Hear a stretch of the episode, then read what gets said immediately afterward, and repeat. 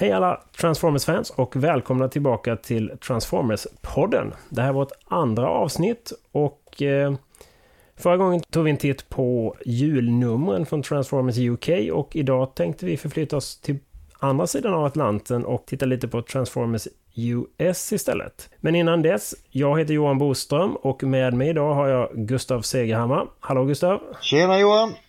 Och sen har vi också Jakob Nilsson höll jag på att säga, men det ska ju vara Bäck numera. Nu ska det vara Jakob Bäck också, lika svårt för mig att komma ihåg. Hej Johan!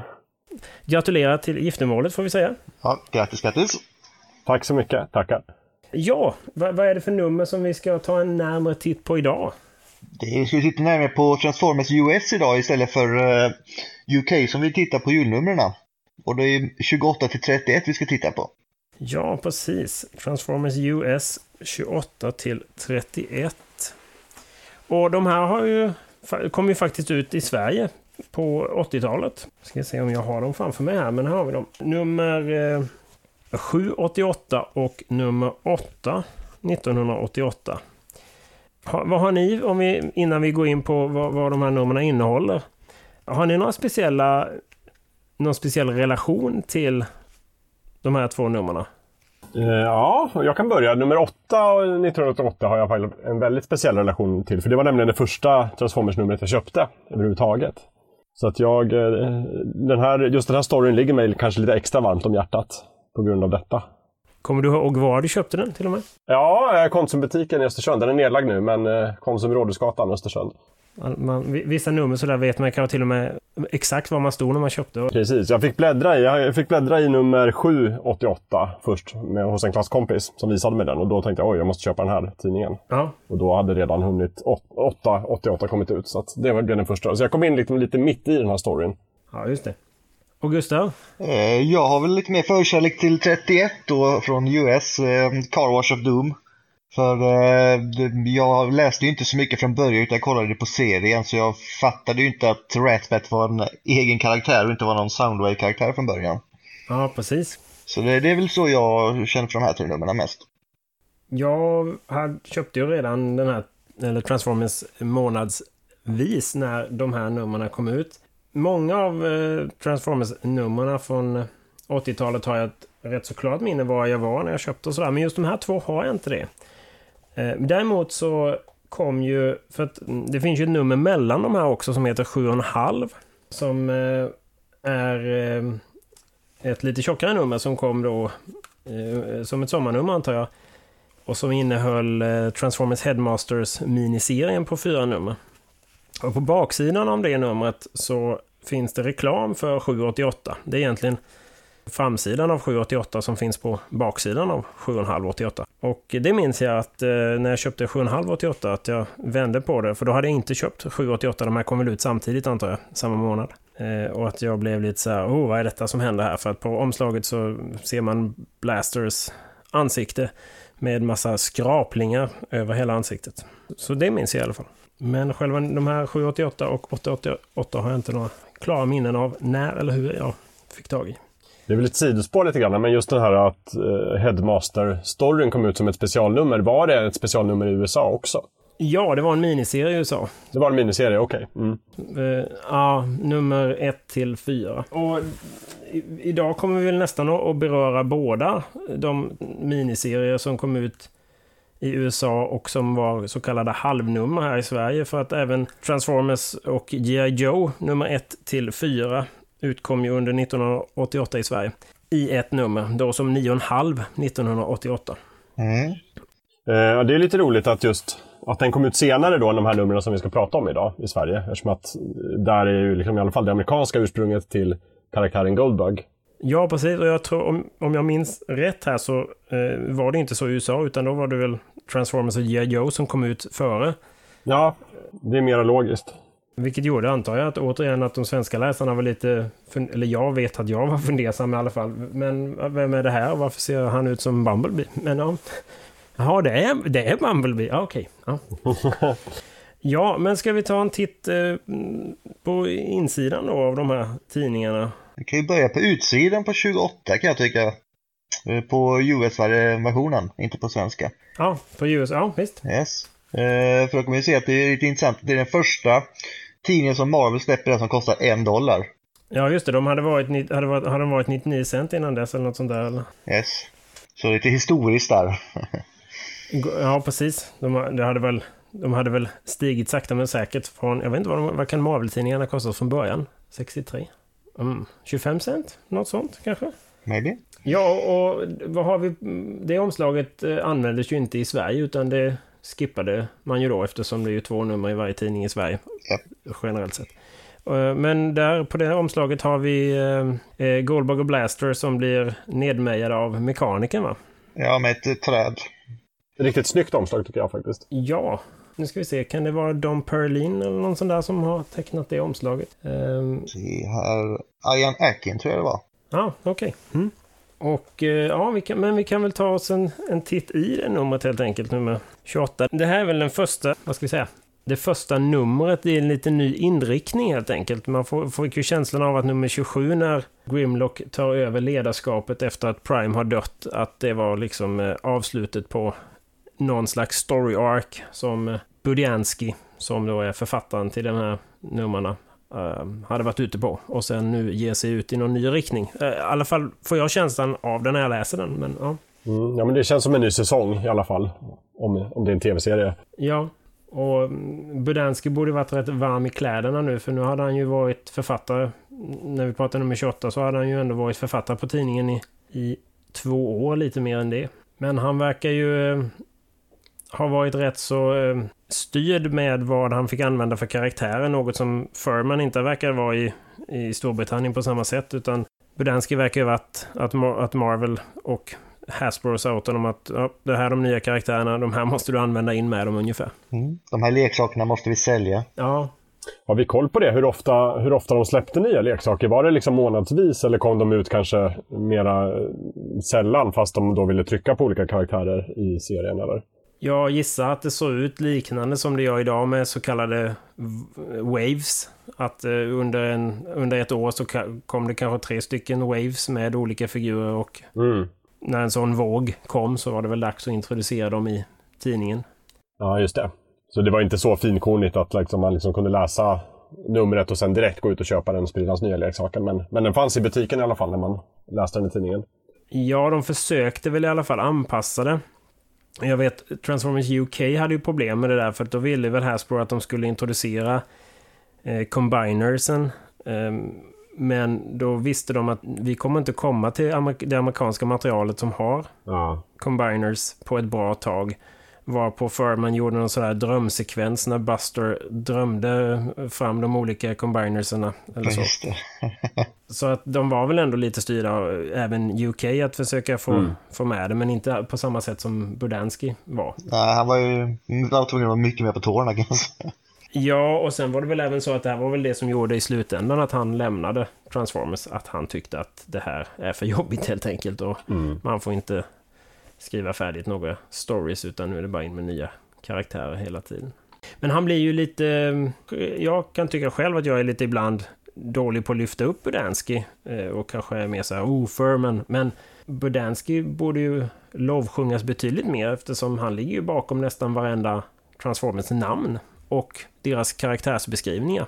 Mm. Eh, det är väl få namn som inte han eh, är skaparen bakom. Det är väl Megatron ungefär, för jag tror att det var Jim Shooter eh, som var chefredaktör på Marvel på den tiden som kom på det namnet. Men, men det mesta andra tror jag han, Prime och allt det här andra är ju han som har, har kommit på. Mm. Ja. Det får han ju kanske inte eller jag kan känna, jag kan vara lite självkritisk sådär att jag kan inte ge honom den credden han borde ha egentligen. Nej, man glömmer lätt bort honom faktiskt.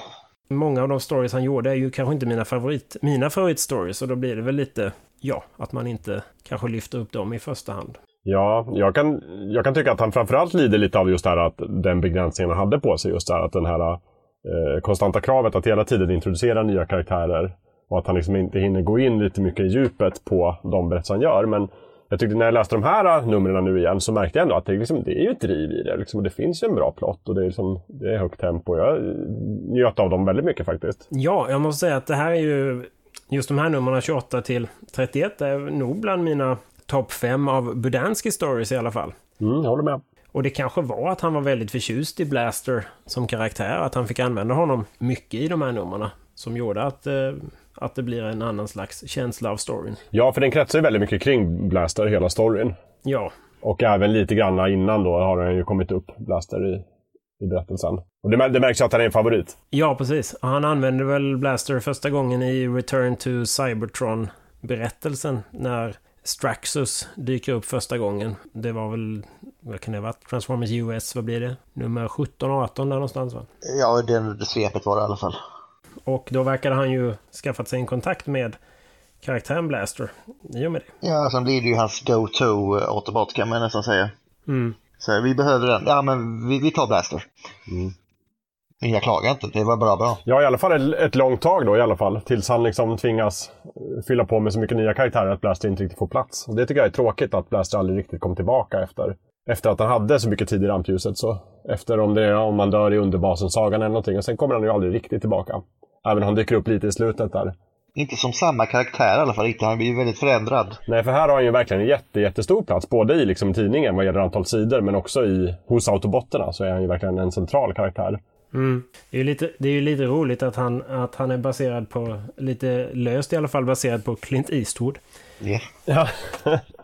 Lite så här tough guy. Budenski sa det när jag pratade med honom. Han tyckte om karaktären redan när han började skriva mm, karaktärsbeskrivningen till honom. Och ju mer han använde honom desto mer kontakt skapade han väl med den här karaktären. ja, sen pratar Blaster lite för mycket för att vara Clint Eastwood, men det är en sak. Ah, Men det är ju hans, eh, det är hans tuffa glasögon också som gör att han ser lite hård ut. Han ser inte alls lika häftig ut i, ser, i tecknade eh, tv-serien. nej, precis. Och i Transformers UK så han ju också ut som han gör i tv-serien med, med eh, att han inte hade visiret. Ja, nej precis. Utan, Det vet jag inte riktigt varför det blev på det viset. Eh, Därför att hans, som han ser ut i, i Transformers US, är ju baserat på hans leksak. Medan som han ser ut i tv-serien och i Transformers UK, så det var ju baserat på eh, animationsmodellen. ja, just det. Ja, vi får väl ta upp Blaster i profilen någon gång och ta reda på hur det var. Ja, men eh, nummer 28 då. Om vi, Yes.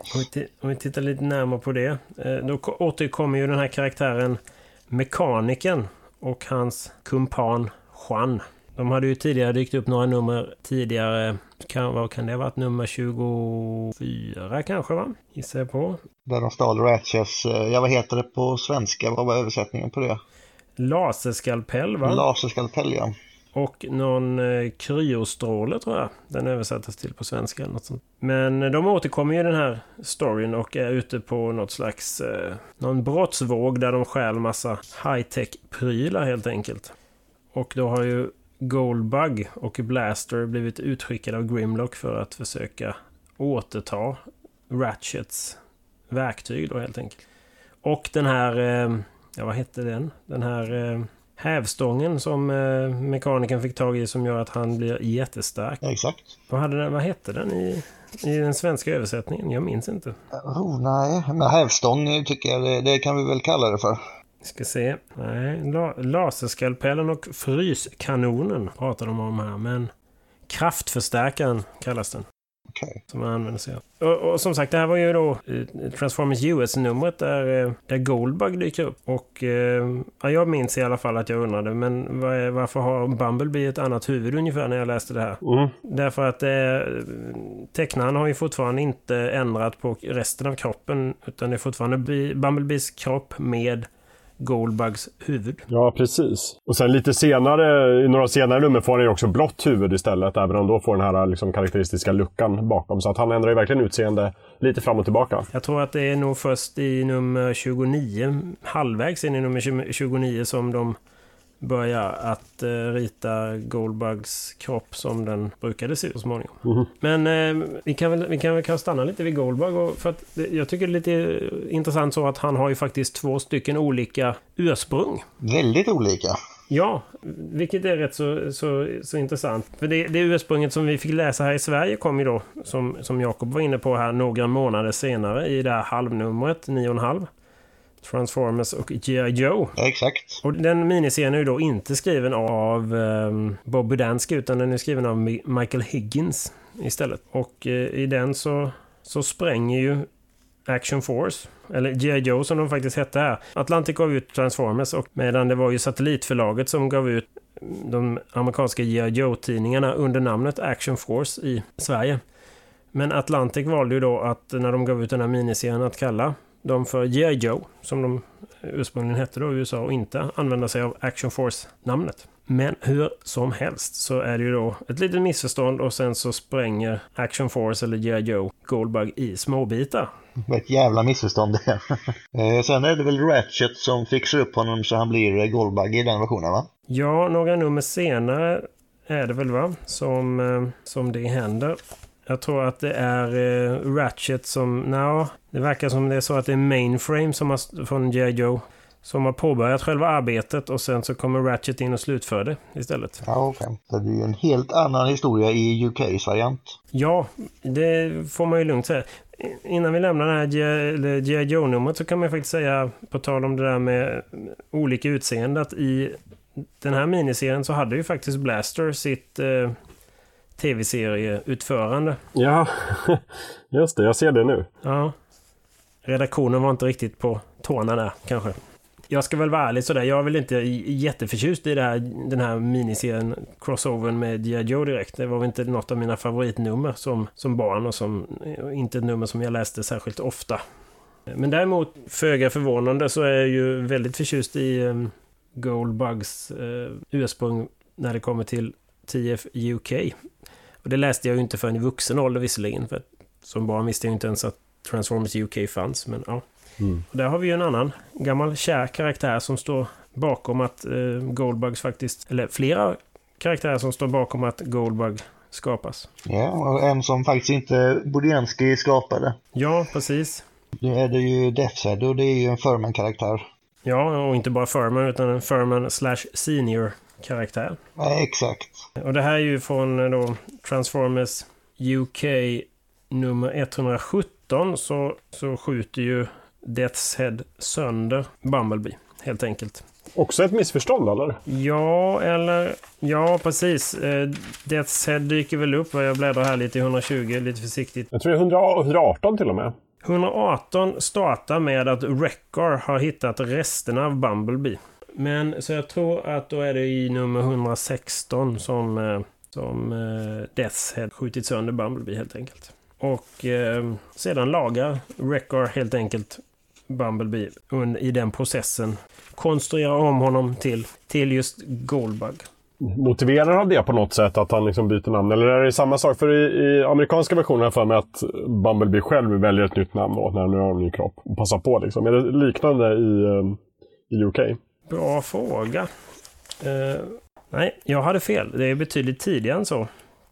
Det är i, är i redan i Transformers UK 114 som eh, Death's Head krossar honom. Och sen så ligger väl delarna under några nummer. Och sen så hittar Record dem så småningom och eh, konstruerar om honom helt enkelt. Men här framkommer det nog inte varför han har bytt namn. Utan här bara är det helt enkelt att någon berättar röst i form av captionrutor så står det bara att eh, resten av Bumblebee har nu blivit Goldbug och sen så eh, är det inte mer med det. Och det är lite intressant för att eh, läsarna i England fick ju aldrig se det här eh, ursprunget med G.I. Joe förrän långt, långt, långt senare. Det var i slutet av, tror jag, utgivningen av Transformers UK som de tryckte det igen, eller tryckte det. Jaha, okej. Okay. Att eh, Fur Furman valde helt enkelt istället att eh, använda sig av sitt ursprung för Goldbug och väva in det i storyn och sen bara löpa vidare med det helt enkelt. Hur kommer det sig att de aldrig släppte det där? Var det liksom, var G.I. Joe inte en leksak där eller var, var det något annat strul? Nej, det var, det var absolut det. Och, och Furman var ju författare på eh, Action Forge UK då. Så skrev han flera av de berättelserna. Men jag vet inte om de inte tyckte att den... Ja, men så här kanske det kan ha varit. Nu bara spekulerar jag, men Action Force utspelade sig ju i England. Och karaktärerna, bland annat Flint och Lady J tror jag fick ett nytt ursprung. Så Flint var nog från Skottland i Action Force, vilket han inte var i G.I. Joe, utan då var han från USA. Och jag vet inte om de tyckte att det kanske inte passade in riktigt i hur de behandlade, eller hur de skötte Action Force-karaktärerna att använda G.I. Joe. Ja, just det. Men det låter, det låter väl jätterimligt då att de har etablerat en egen inhemsk kontinuitet och så vill de inte förstöra den då, så då skriver de istället ett eget. Precis, och sen i slutet av utgivningen av Transformers UK så behövde de väl material helt enkelt antar jag. Och då var det väl ja, då använde de väl det materialet som fanns som de inte hade använt tidigare helt enkelt. Eh, och i animen har väl Goldbug en helt annan eh, ursprung också. Har de gjort, hittat på något helt annat?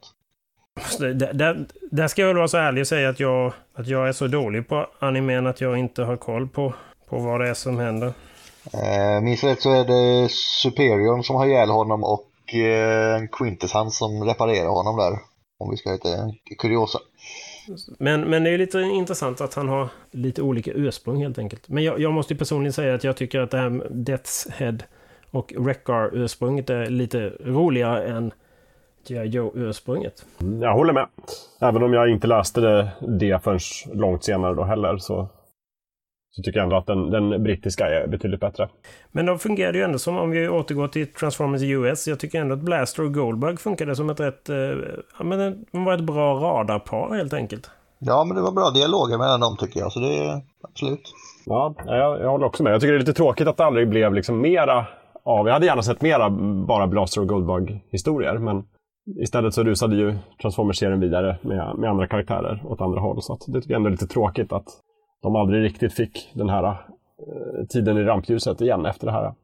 Ja, det var, fanns ju ändå en hel del, eh, vad ska vi säga, drama mellan dem. De var inte så att de var, de, att de var jättegoda vänner, utan de såg ju på saker och ting på olika sätt. Nej, de hade ju en specifik punkt som förde dem samman här. Att de eh, hade lite förakt till Grimlocks ledarstil. Det vet jag däremot att jag var lite förvånad. Eller, när jag läste, nu ska vi se, 788. När den kom ut så vet jag att jag tyckte att det var lite konstigt för att i numret tidigare, nummer 688, så hade ju Grimlock...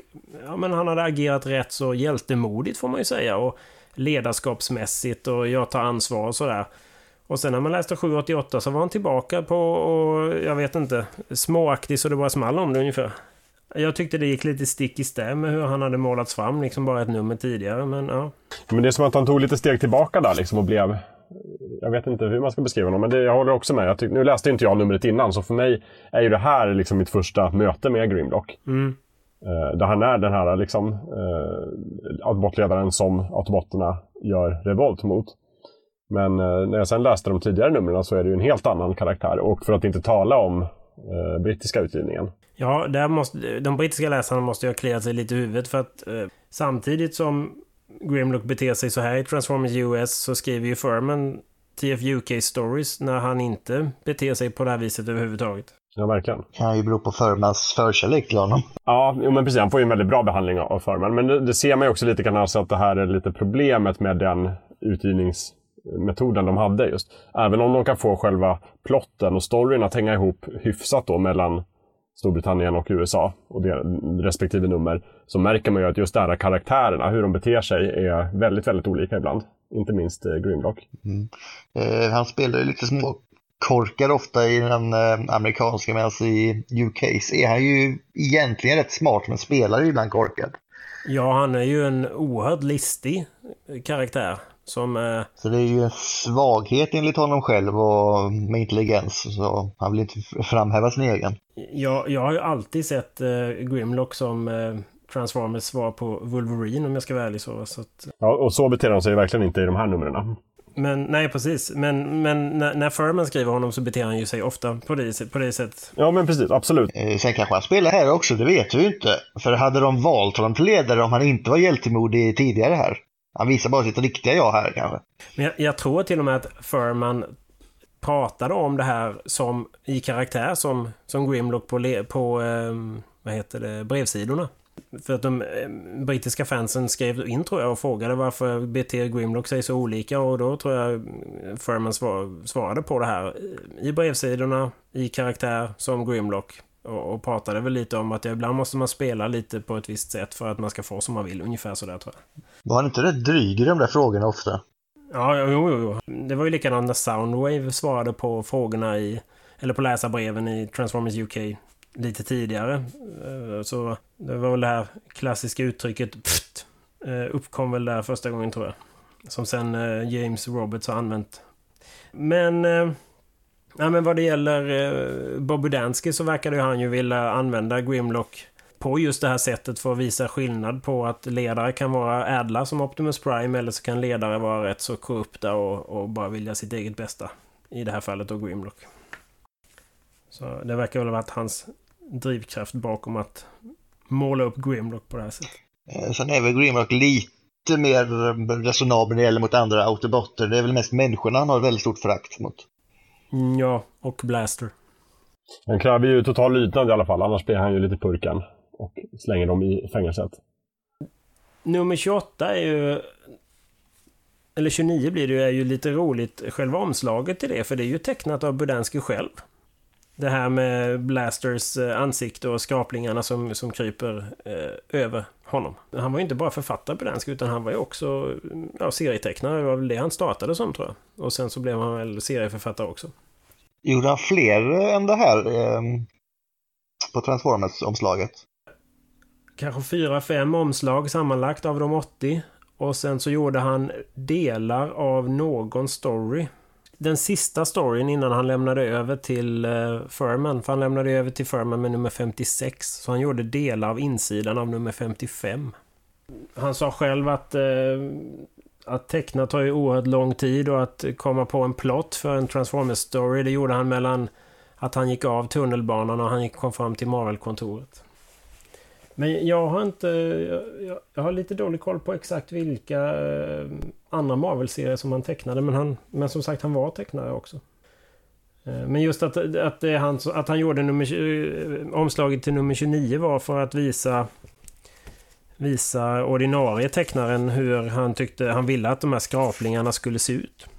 Men de, de, här, de här skraplingarna är ju lite roliga för de har ju fått ett, ett liv efter nummer 28, eller nummer 29 och nummer 30.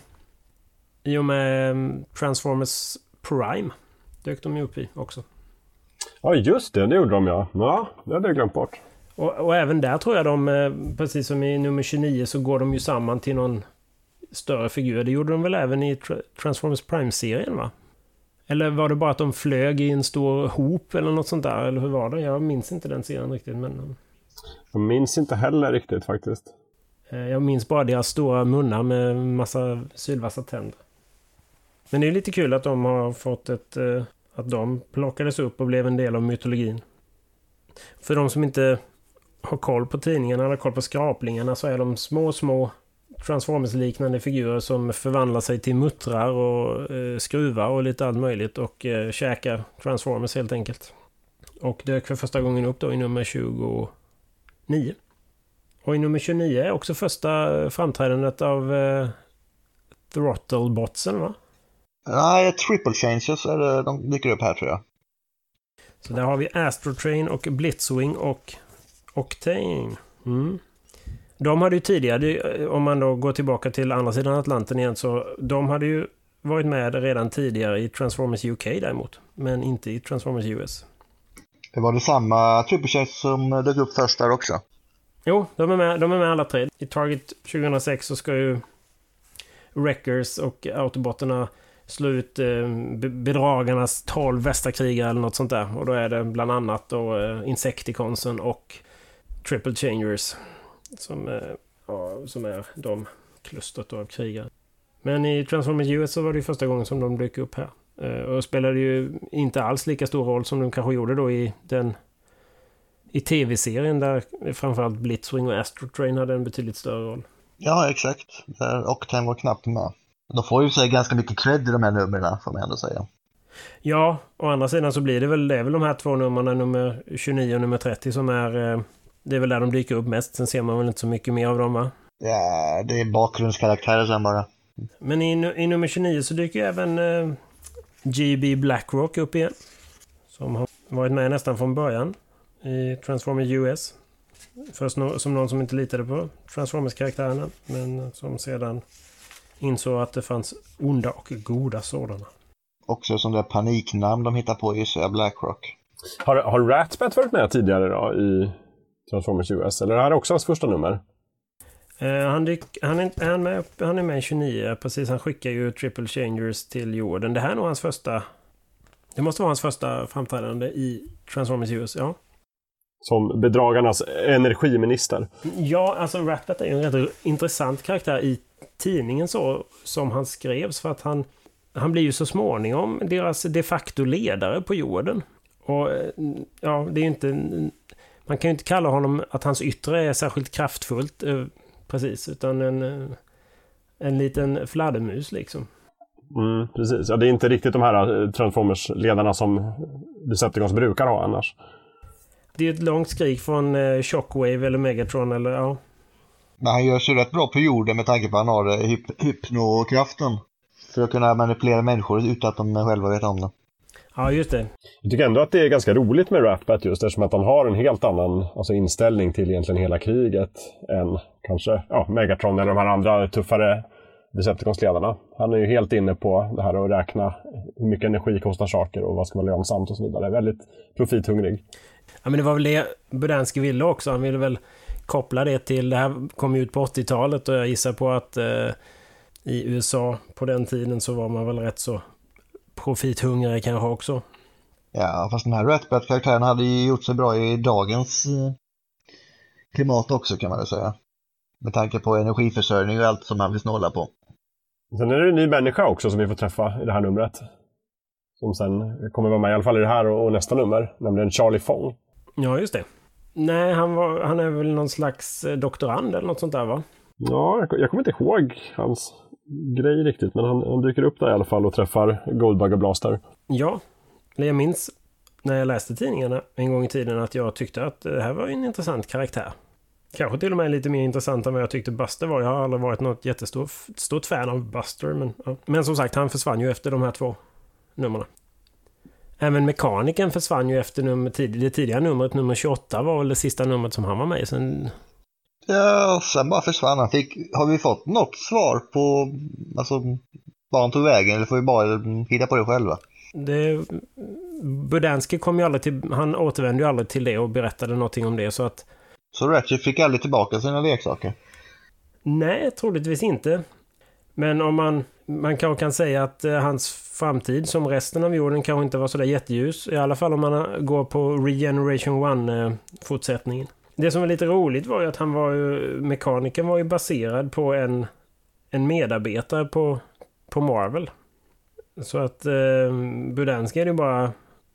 Han tyckte att... Eh, ska vi se om jag bara kan hitta namnet på den här. Elliot Brown hette den här medarbetaren på Marvel som jobbade i fotostat kopiorummet då. Är det en hyllning till den här personen eller en gliring? Nej, jag tror att det är en, eller jag har förstått det som eh, att det, ska, det är en hyllning. Eh, så förstår jag Bob i alla fall. Att den här, den här personen, Elliot Brown, var så duktig på det, sitt jobb, liksom mekaniskt sett. Att det här var liksom någon slags hyllning till honom. Så han fick bli en skurk i Transformers comic? Och det här var inte första gången som Bulansky faktiskt hade använt existerande personal för att eh, trycka in dem i Transformers. Lite tidigare så eh, fanns ju den här Robot Master som egentligen hette Don, Donny Finkelberg som var någon slags skådespelare var han väl som fick spela den här Robot Master om ni minns. Det var väl nummer 13 till nummer, vad kan det vara, 17 kanske eller något sånt där. Och han var ju baserad på, eh, på Marvel, Marvels anställde Danny Fingeroth. Som var ju under lång tid så var han väl redaktör för Spiderman-tidningen och sådär. Jo, men om nu eh, Bordianski fick komma på grejer från typ tågbanan till jobb så var det väl likadant på jobb. Man satt och kollade sig runt. Jaha, vad fan ska jag använda nu för någonting? Ja, precis. Ja, men det tycker jag är lite roligt. Det är ju det är inte de, eller han är inte den enda som har gjort så i, i, i, i serievärlden. Så, men jag tycker alltid det är lite roligt. Ja, det är kul. Man får höra historien efter om det sen. Men det är nummer 30 då som eh, Throttlebots dyker upp första gången. På första sidan till och med. De var ju lite roliga leksaker om man bara kopplar till det. Jag tyckte i alla fall det. Det här med att man... De var ju sådana här, vad heter det? Pullback cars heter det va på engelska eller något sånt där. När man drar dem bakåt och släpper och sen så kör de ju iväg. Även Goldbug var ju en sån. Och de såg exakt likadana ut, bara att de hade... Deras hölje var lite annorlunda. Annars så var de ju samma slags transformationssekvens. Med serien skiljer de sig lite mer åt kanske. I alla fall Wideload är ju betydligt större än de andra. Men de har ett, ett fint litet team där tycker jag. Ja precis, Wideload är ju en, han blir ju någon slags dumper. Ja, så att eh, det är väl bra att de kanske ritade honom lite större än de andra. Åtminstone i det här numret. Sen ska jag inte säga hur det är liksom senare nummer men... Nej men det finns väl någon sån scen när han och eh, Rollbar står bredvid varandra tror jag, där han är mycket, mycket större. Ja. Och också i den här ganska spännande actionscenen när de, om det är Rollbar och, och Wilder kanske, så, när de ska döda Goldbug för att han är ska, smittad av scraplets. Ja, just det. De ska, ska smälta honom med syra. Och Rollbar är väl någon slags eh, gruppledare för Throttlebots, får, man, får jag i alla fall känslan av i, de här, i det här numret. Han beter sig i alla fall som en sådan, så att, eh, får vi väl anta att han är teamleader. De är ju autobotter då, eh, för er som lyssnar, men de blir eh, tvingade av eh, Ratbat att eh, jaga upp Blaster och Goldbug och försöka då stoppa den här smittan. Ja, de vill ju inte att de ska lämna jorden så att säga. Ja, just det. Och Ratbat vill inte riskera sina egna soldater, därför skickar han autobotterna. Det är ju också väldigt effektivt. Ja, det är ju rätt stort av honom, det är inte så Men sen visar det sig att det finns ju ett botemedel helt enkelt mot det här och det är ju något som inte finns på Cybertron men som finns på jorden. Ja, där är det ju typ en myt, eh, det här botemedlet. Men det är lite vanligare på jorden. Ja, det är ju då vatten helt enkelt. Så att ja, Som då Charlie upptäcker av misstag när han spiller på Bumblebee när han ska dricka. Eller Goldbug, förlåt. Och det, i, i slutändan så, så eftersom Blaster och eh, har ju blivit smittad av Triple Changers Decepticonsen. Men eh, de botar ju alla de fyra och eh, sedan eh, så hjälper ju Astrotrain, Blitzwing och Octane Throttlebotsen att göra sig av med alla skraplingarna. Just det, och det är då de går ihop till det här stora eh, monstret av kuggar och muttrar. Kan man kalla skraplingar för combiner då? Ja, det, det är väl det de är egentligen eller? Eh, sen när de väl eh, Autobots och Decepticons rör i den stora skraplingen som är, har gått ihop här, då händer det ju dock ingenting, jag vet inte varför. För annars så blir de ju smittade på en gång. När de var små. Nej, men jag, jag tror de blev smittade för att eh, han håller ju i throttlebotsen. Och sen så tror jag att eh, Goldbug säger att vi behöver ha vatten kvar så att vi kan bota throttlebotsen också. Ja, just det. Jag tittade senare faktiskt. Ja, det har du rätt i, det har jag missat. Men det, det här numret avslutas ju med att Astrotrain eh, skickar iväg någon liten någon liten ljusemitter helt enkelt som fastnar på Blackrocks panna. Någon slags hypnosanordning helt enkelt. Och sen flyger ju Astrotrain, Blitzwing och Octane iväg med lasten då från det här kraschade rymdskeppet som skraplingarna då kom till jorden med. Vet, jag, vet inte om vi sa det från början, för det är det hela historien börjar med. Ja, precis. Eh, Det är ju ett, ett rymdskepp, ett fraktskepp som har kraschat på jorden. Eh, Och det finns ju någonting i den här lasten som Ratbat vill ska komma till jorden. Eller att det, är no, det är någonting som ingår i hans planer för jorden helt enkelt. Och då skickar han ju Astrotrain, Blitzwing och Octane över rymdbron. Operation Energi som man har planerat. Ja, för att eh, de ska ta tillbaka den här lasten och sen visar det sig ju då att kaptenen på det här rymdfar eller det här fraktskeppet har ju blivit smittat av skraplingar och då blir ju också alla andra smittade av skraplingar. Men hur som helst så ger de sig ju iväg med den här lasten i slutet. Vilket leder rakt in i det sista numret som vi ska prata om för dagen, nummer 31. It's wet, it's wild, it's the car wash of doom. Det, det kanske mest ökända numret av alla Transformers-nummer. Buster Witwicky och biltvätt till domedagen översattes det på svenska. Ganska slagkraftigt. Själva namnet hämtade ju Budansky från, eh, från eh, Temple of Doom. Och lite samma logga i alla fall också. I, i titeln. Typsnittet är lite liknande där.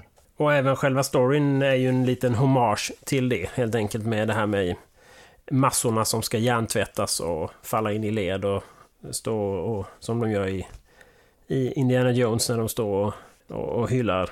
Vad, vad, heter, vad heter skurken i den filmen? Oh, det har inte jag sett sedan jag var 12 så jag vet inte. Nej.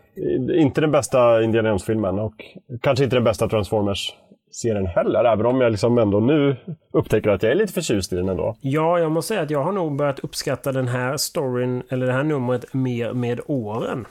När jag läste den första gången så tyckte jag det här var inte alls bra, faktiskt. Nej, jag läste den först i vuxen ålder, men jag, jag gillar den faktiskt direkt. Ja, vad, vad, är det som, vad var det du slogs av som du tyckte så mycket om?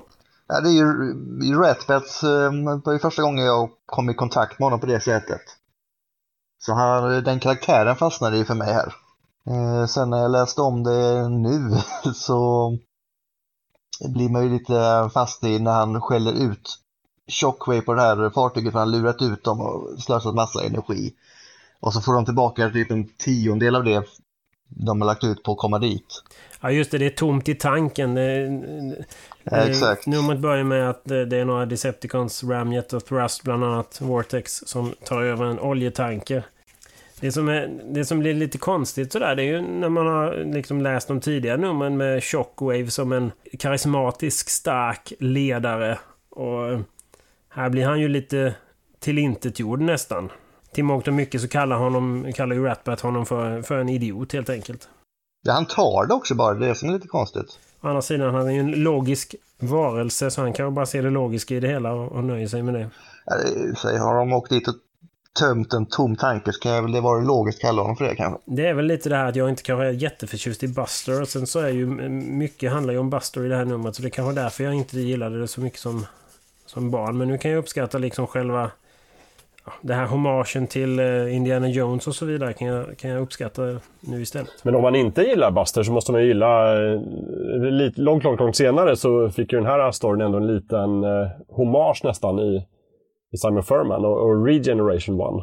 I specialnumret där, nummer 0, så eh, återkommer de ju till Buster och då kör han ju också in i en biltvätt. Men, men dör. Så att om man inte gillar Buster så kan man njuta av det då i alla fall. jag vet inte riktigt vad det var med Buster. Jag gillade ju Spike i, i, i serietidningen. Ja, som blev ju Fortress Maximus. Men uh, Buster var jag aldrig särskilt jätteförtjust i. Ja, det, det hände inte så mycket. Det, han var mest där känns det som. Ja, och Budansky försökte väl trycka in så mycket människor han bara kunde tror jag i, i, i serierna också. Han såg väl det som ett sätt att koppla till läsaren. Och det är väl också på något sätt, det är väl också på något sätt logiskt om man hela tiden måste byta huvudkaraktärer kring Transformers. Så kanske människorna ändå är ett sätt för honom att ja, men då vet jag i alla fall att de här människorna kommer vara med i serien ett bra tag. Så då kan jag liksom bygga stories kring dem istället. Eh, vad tyckte Budiansky själv om Buster? Har vi fått reda på det? Det har jag nog inte läst någonting om och jag har inte heller frågat honom om det. Det här är också ganska intressant nummer för att det är faktiskt inga autobotter med överhuvudtaget. Förutom en liten, liten tillbakablick. Ja, de kopplar väl tillbaka till nummer 11 tror jag va? När eh, Bumblebee och eh, Blue Streak stöter på Jetfire. Ja, precis. Men det är det enda på en liten ruta. Annars är de inte med i storyn överhuvudtaget utan det är bara Buster. Och eh, vad heter de? Jess.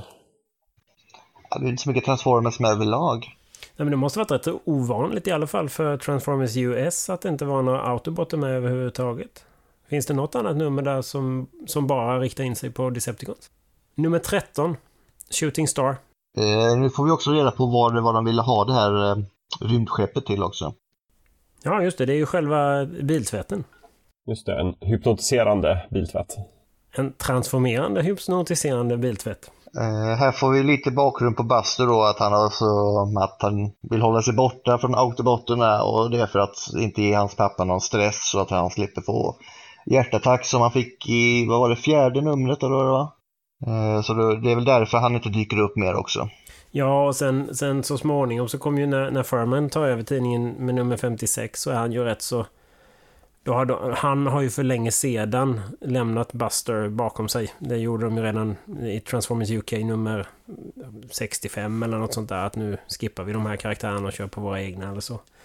Så för honom fanns det väl ingen anledning att plocka in de mänskliga Transformers US-karaktärerna igen. Jag kan ju hålla med att jag tycker att det är ofta de, de mest intressanta Transformers-historierna är ju ofta de som utspelar sig kanske på Cybertron. När det inte är så många människor med. Å andra sidan, om de mänskliga karaktärerna hanteras rätt som som Verity till exempel i Wreckers sista strid så tycker jag att de kan tillföra rätt mycket faktiskt.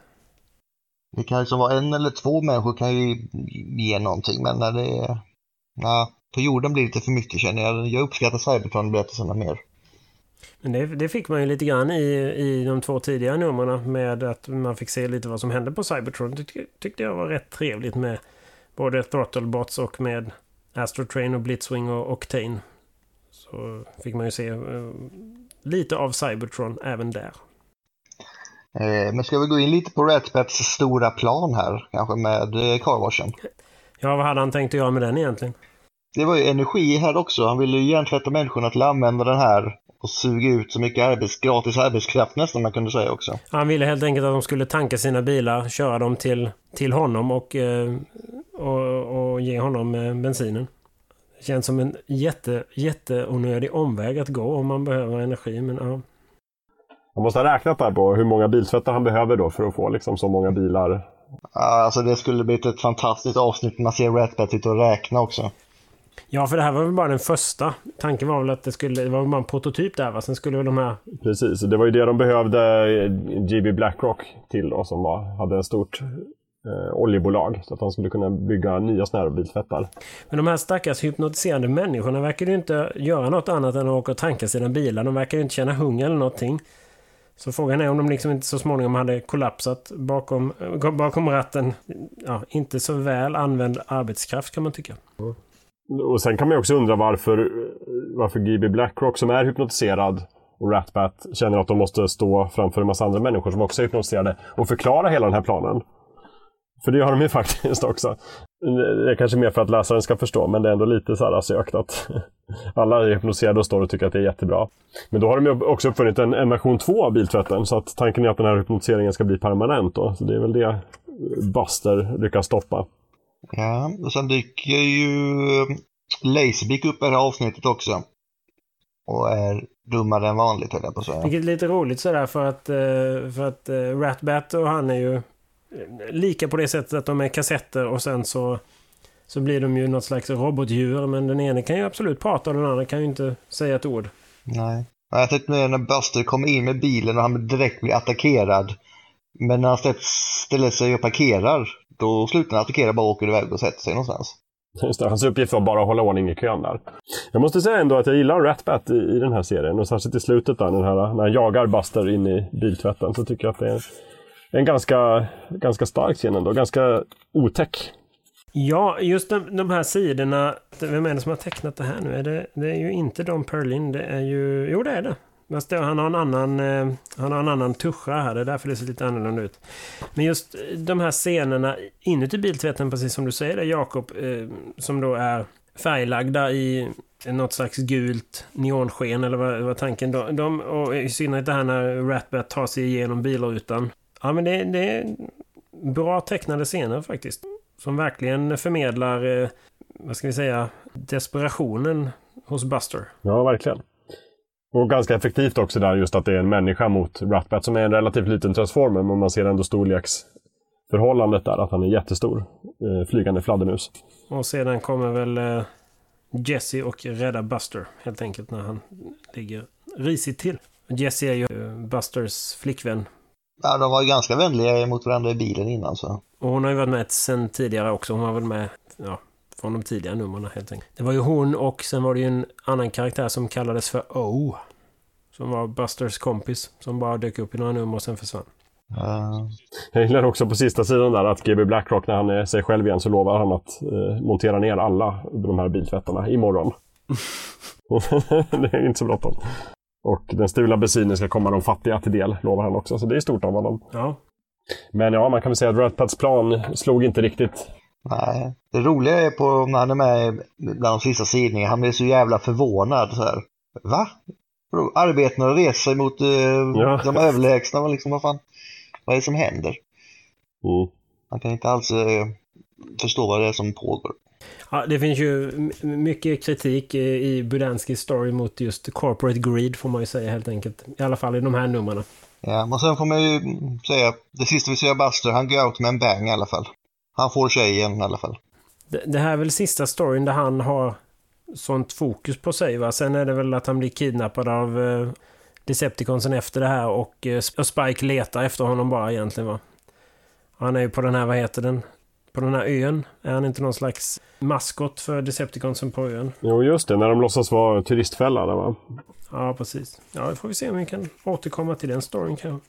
En sak som man kan som jag, jag har inte sagt, men det kan man ju tillägga. Det, jag har ju pratat om det här tidigare tror jag, men eh, Transformers UK gjorde ju egna omslag eftersom de kom en gång i veckan. Och då brukar de göra så att de återanvände eh, Transformers US-omslaget en vecka och sen så hade de ju tre veckor med egna omslag. Men i och med nummer 121 som är då den första delen, första halvan av nummer av Transformers US nummer 28 så slutar de ju använda det amerikanska omslaget och gör bara helt egna omslag. Mycket tidigare hade de ju använt det amerikanska för att det var ju en kostnads... Det var kostnadseffektivt helt enkelt att återanvända det som fanns. Men från och med 121 så gör de egna omslag även på de amerikanska numren. Det finns ett för, nummer 123 har ett fantastiskt eh, omslag på eh, Blitzwing, Astrotrain och Octane. Eh, gjort av Lee Sullivan. Som är, eh, är nästan en poster klass på det faktiskt. Och nummer 129 har just den här scenen när, eh, som omslag när Ratbat eh, krossar framrutan på Busters pickup. Tecknat av eh, Robin Smith som gjorde en hel del omslag till Transformers UK. Ja, hur ska vi sammanfatta de här fyra numren? Nummer 28, 29, 30 och 31 av Transformers US. Ja, om vi tar en skala på 1 till 10, vad skulle du sätta på den? Ja, en bra fråga. Jag kan ju säga så här, det är inte det bästa som Transformers US släppte. Det är inte heller det sämsta. Det är långt ifrån det sämsta som eh, släpptes med Transformers US. Om jag relaterade till Bob Budansky så skulle jag säga plats nummer um, fyra bland Budanskys stories.